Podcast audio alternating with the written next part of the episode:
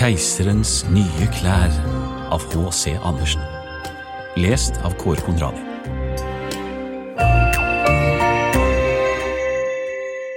For mange år siden levde det en keiser som var så uhyre glad i vakre nye klær at han ga ut alle sine penger bare for å bli pyntet.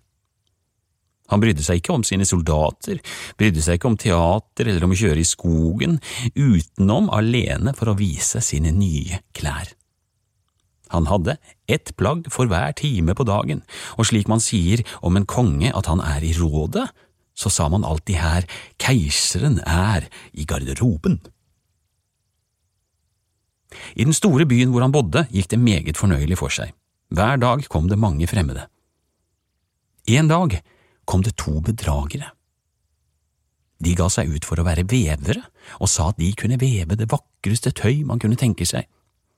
Ikke bare var fargene og mønsteret noe så usedvanlig vakkert, men klærne som ble sydd av tøyet, hadde den forunderlige egenskapen at de ble usynlige for ethvert menneske som ikke dugde i sitt embete, eller som var utillatelig dum. Det var jo noen fantastiske klær, tenkte keiseren. Ved å ha dem på kunne jeg finne ut hvilke menn i mitt rike som ikke duger til det embetet de har. Jeg kan kjenne de kloke fra de dumme. Ja, det tøyet må straks veves til meg. Og han ga de to bedragerne mange penger i hånden for at de skulle kunne begynne på sitt arbeid. De satte også to vevstoler opp og lot som om de arbeidet, men de hadde ikke det minste på veven. Stadig vekk forlangte de den fineste silke og det prektigste gull.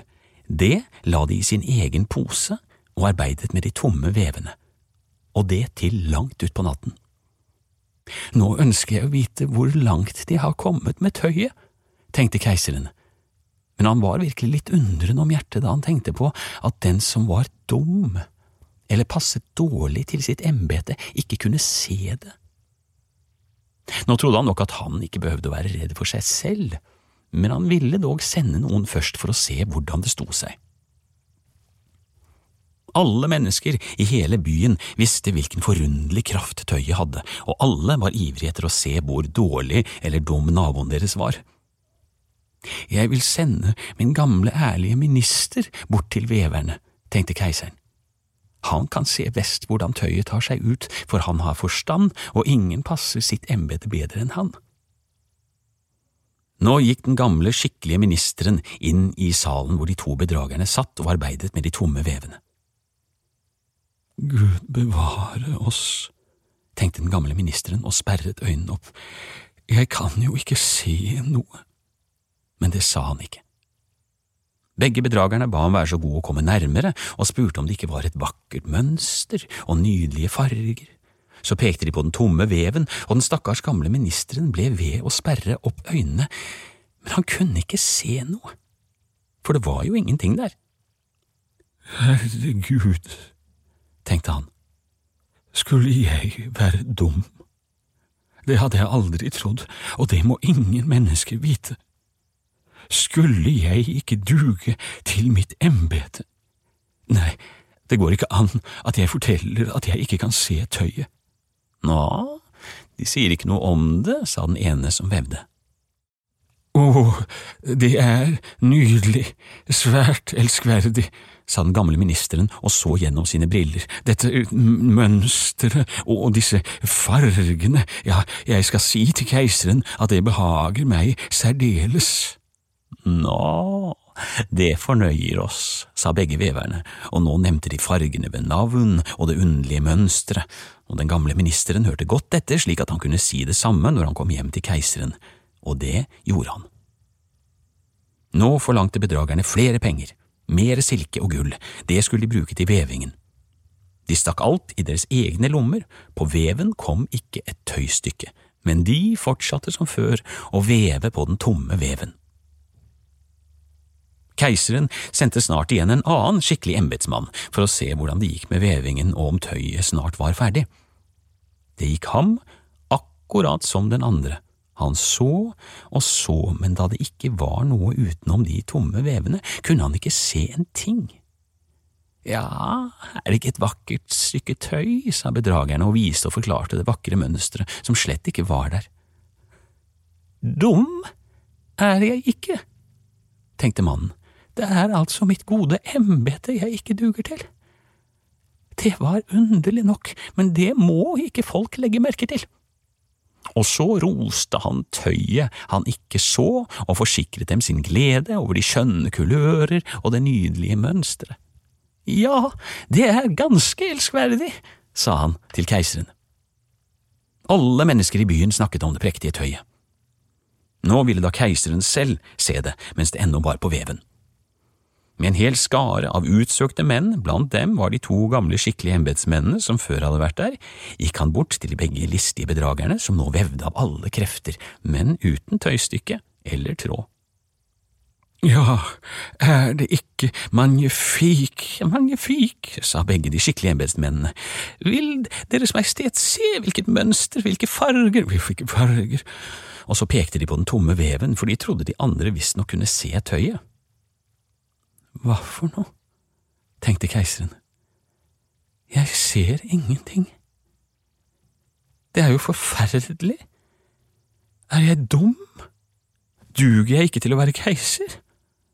Det var det skrekkeligste som kunne hende meg. Å, det er meget vakkert, sa keiseren, det har mitt aller høyeste bifall.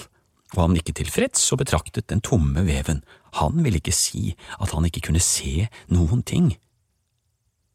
Hele følget han hadde med seg så og så, men fikk ikke mer ut av det enn alle andre. Men de sa akkurat som keiseren, å, det er meget vakkert, og de rådet ham til å ta disse nye prektige klærne på første gang ved den store prosesjonen som var ganske snart. Det er magnifik, nydelig, eksellent, gikk det fra munn til munn, og de var alle sammen så inderlig fornøyd med det. Keiseren ga hver av bedragerne et ridderkors til å henge i knapphullet og tittelen Vevherrer. Hele natten før den formiddagen prosesjonen skulle være, satt bedragerne oppe og hadde tent over 16 lys. Folk kunne se at de hadde det travelt med å få keiserens nye klær ferdige. De lot som de tok tøyet av veven, de klippet i luften med store sakser, de sydde med synål uten tråd og sa til sist se, nå er klærne ferdige. Keiseren med sine fornemste kavalerer tok selv turen bort og begge bedragerne løftet den ene armen i været liksom de holdt noe, og sa se, her er benklærne, her er kjolen, her er kappen, og således videre, fort. Det er så lett som spindelvev, man skulle tro man hadde ingenting på kroppen, men det er jo dyden ved det. Ja, sa alle kavalerene, men de kunne ikke se noen ting, for det var jo ikke noe der. Vil nå Deres Keiserlige Majestet aller nådigst behage å ta deres klær av, sa bedragerne, så skal vi gi dem de nye på, her borte foran det store speilet. Keiseren la ned alle sine klær, og bedragerne bare lot som om de ga ham hvert stykke av de nye som skulle vært sydd, og keiseren vendte og dreide seg foran speilet. Gud, hvordan de kler deg godt, hvordan de sitter vakkert sa de alle sammen, hvilket mønster, hvilke farger, det er en kostbar drakt. Utenfor står de med tronhimmelen som skal bæres over Deres Majestet i prosesjonen, sa overseremonimesteren. Ja, jeg er jo i stand, sa keiseren, sitter den ikke godt? Og så vendte han seg nok en gang foran speilet, for det skulle jo virke som om han virkelig betraktet sin stas. Kammerherrene som skulle bære slepet, famlet med hendene henover gulvet som om de tok slepet opp. De gikk og holdt i luften, de turde ikke la noen merke at de ikke kunne se noen ting. Så gikk keiseren i prosesjonen under den vakre tronhimmelen, og alle mennesker på gaten og i vinduene sa Gud, hvor keiserens nye klær er makeløse, hvilket vakkert slep han har på kjolen, så velsignet den sitter. Ingen ville la seg merke med at han ikke så noe, for da hadde han jo ikke dugd i sitt embete eller vært meget dum. Ingen av keiserens klær hadde gjort slik lykke. Men han har jo ikke noe på seg, sa et lite barn.